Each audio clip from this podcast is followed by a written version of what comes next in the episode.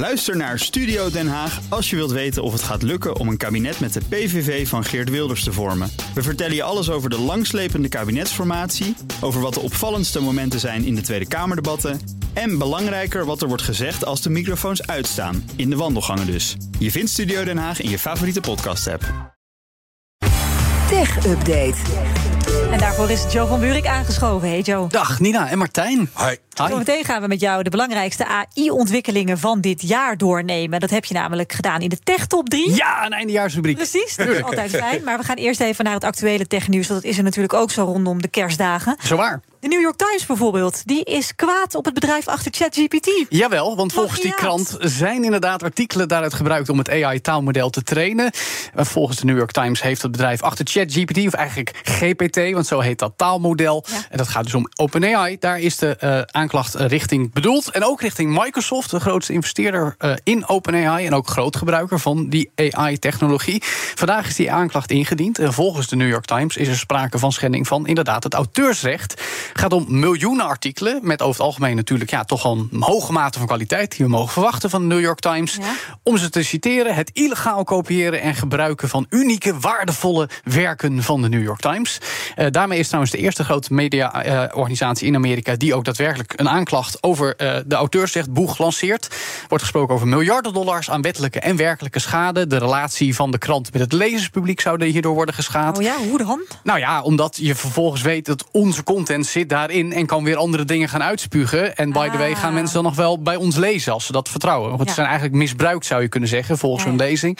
En ook inkomsten uit abonnementen, licentieafspraken, advertenties en andere revenuen zouden worden misgelopen. Wordt natuurlijk ook een beetje aangedikt hè, in de juristentaal. Ja. Uh, dus eist de krant ook nog eens dat alle chatbotmodellen en trainingsgegevens vernietigd worden waar dat materiaal in zit. Oh, dat zou En of dat zijn. gaat lukken, dat betwijfel ik. Maar dat is wel een soort van zwaard van Damocles dat boven OpenAI hangt. Weet je wel, ze hebben dit eerst allemaal ontwikkeld en gelanceerd. En nu hopen ze dat ze het juridisch recht kunnen breien.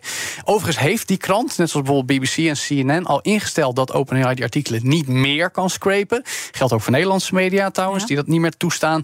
Maar ja, het kwaad is al geschied, want al die publicaties uit het verleden, die zitten al in dat AI-taalmodel. Ja, en als ze gelijk krijgen en inderdaad, uh, ChatGPT moet al die artikelen eruit gaan halen. Ja, als OpenAI dat moet gaan doen, dan wordt het een interessant verhaal. Maar dat wordt dus een interessante casus om te volgen, zeker in het nieuwe jaar. In 2024. Precies. Nou, we gaan ook even kijken naar het Verenigd Koninkrijk. Want daar kun je, als het goed is, binnen drie jaar al zelfrijdende auto's gaan spotten. Nou, ik ben benieuwd of het gaat gebeuren. Maar de minister van Transport, Mark Harper, heeft het toch echt gezegd. Er moet alleen nog even wat gelegaliseerd worden. Als het gaat om de verantwoordelijkheid even. bij een ongeval. Even, inderdaad. Nou, hij verwacht dat eind volgend jaar al rond te hebben, Harper. Uh, maar afgelopen maand werd al bekend dat in het VK gewerkt wordt aan wetgeving om wettelijke aansprakelijkheid bij autonome voertuigen te regelen. In principe moet die schuld dan altijd bij de automaker komen. Ik meen dat dat ook wel eens jaren geleden al door Volvo als een van de eerste weinige merken erkend is. Want ja. ook Volvo vindt het belangrijk dat dat soort technologie er komt. Maar toch, Nina en Martijn, ik heb mijn vraagtekens of die zelfrijdende auto nu echt gauw komt. Als je kijkt in het VS is dit jaar heel veel getest, maar was in oktober een ongeluk met een robottaxi in San Francisco van Cruise onder neming van General Motors. Die mogen nu niet meer de weg op. Ja. Alleen Googles dochterbedrijf Waymo, Waymo mag dat eigenlijk nog steeds. Maar het VK ziet nog steeds kansen. Ik ben benieuwd waar, want in Londen is het hartstikke vol en druk. De B-wegen in de Britse countryside, dat is voor mensen al een enorme uitdaging zeg om daar goed te wel. rijden. Ja. Nou, jij weet er alles van als uh, jongen, frequent bezoeker. Jongen, jongen. Maar goed, op de snelweg dan misschien. Maar ja, dat mag in Duitsland ook al bij sommige stukken met de Mercedes. Maar maximaal 60 km per uur in de file. Veel mits en maren. Dus ik ben benieuwd hoe het VK dit wil gaan doen. We gaan kijken als het zover is, toch? We gaan Zeker. meemaken. Gaan we Dus- testen. Nou, en omdat dit dus de serieus de laatste woensdagmiddag van 2023 is het vandaag, Ja. gaan we nu naar Tech Top 3. Ah, prachtig. De Tech? Top 3. Jij neemt ons even mee langs de drie belangrijkste AI-ontwikkelingen van dit jaar. Op drie beginnen, denk ik. Ja. Daar staat het nieuwe AI-taalmodel van Google. Ja, dat is eigenlijk een belofte. Gemini. Want ja, Google mist een beetje de boot aan het begin van dit jaar. Ja. In de AI-race hebben ze eigenlijk niet meegedaan. Toen kwamen ze al met Bart, die chatbot. Maar ja, die gaf een fout antwoord in de presentatie. En hop, dat ging 100 miljard dollar van de beurskoerswaarde af. En schande toch wel, want ja, eh, Google investeert en gebruikt al jaren AI. Doet het wat voorzichtiger dan OpenAI en dus ook Microsoft. Maar goed, ook Google wil dat nu rechtzetten met Gemini. Is begin december onthuld. Moet ook ja, al jouw opdrachten kunnen herkennen met spraak en afbeeldingen. Een spelletje voor je bedenken. Mhm. Nou, we gaan het dus meemaken, ook in 2024. Of ook die chatbot Bart met dat Gemini beter wordt.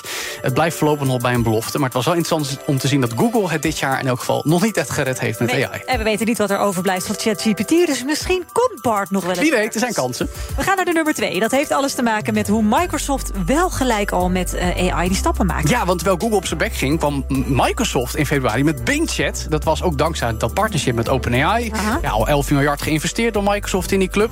En toen kwamen ze opeens met de technologie uit ChatGPT in Bing. Die zoekmachine die eigenlijk bijna niemand gebruikt. Maar daardoor opeens toch weer wel even. Want het was heel leuk dat je hele gekke antwoorden kon krijgen. Collega Daniel Mol die was op een gegeven moment aan het chatten met een soort dronken Vlaming. die hem de hele tijd moppersmurf bleef noemen.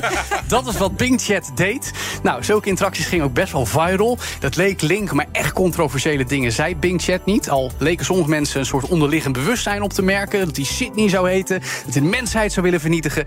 Inmiddels weten we, als een AI-chatbot zulke gekke dingen zegt, dan zijn dat hallucinaties. Ja, ja, ja. En dat is helemaal niet echt. Maar ja, dan heb je de Copilot van Microsoft. Daar zijn ze nu mee bezig. Dat is een AI-tool voor Word, Outlook en een aparte app. Die heeft veel minder last van dat soort gekheid. Maar ook geen hallucinatie is jouw nummer 1 in deze tech top 3.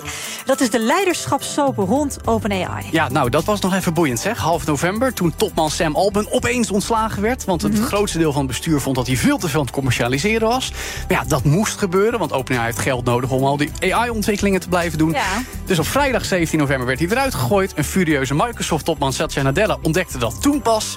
Eiste dat ze weer met elkaar gingen praten, leidde tot niets. En op maandag daarna werd doodleuk aangekondigd... Altman gaat een AI-divisie bij Microsoft leiden. En vervolgens kon Altman toch weer terug naar OpenAI... want daar heeft Microsoft nog steeds heel veel geld... en dus heel veel vingers in de pap zitten. Ja. Dus ja, het gros van het bestuur kon ook opstappen. Juist de mensen die Altman het hadden ontslagen. En ja, over die commerciële waarde gesproken. Enkele dagen geleden hoorden we weer... Altman is bezig met een nieuwe investeringsronde... met een valuering van 100 miljard dollar voor OpenAI. Dus eigenlijk is alles weer zoals het was. En nog een beetje meer. Vrede op aarde. En in ieder geval veel geld voor Sam Altman en OpenAI. Dankjewel, Joe van Buurik. De BNR Tech Update wordt mede mogelijk gemaakt door Lenklen. Lenklen. Betrokken expertise, gedreven innovatie. Bij BNR ben je altijd als eerste op de hoogte van het laatste nieuws. Luister dagelijks live via internet. Bas van Werven. En heel langzaam komt de zon op rond dit tijdstip. Je krijgt inzicht in de dag die komt op BNR, het Binnenhof in Nederland en de rest van de wereld. De Ochtendspits. Voor de beste start van je werkdag. Blijf scherp en mis niets.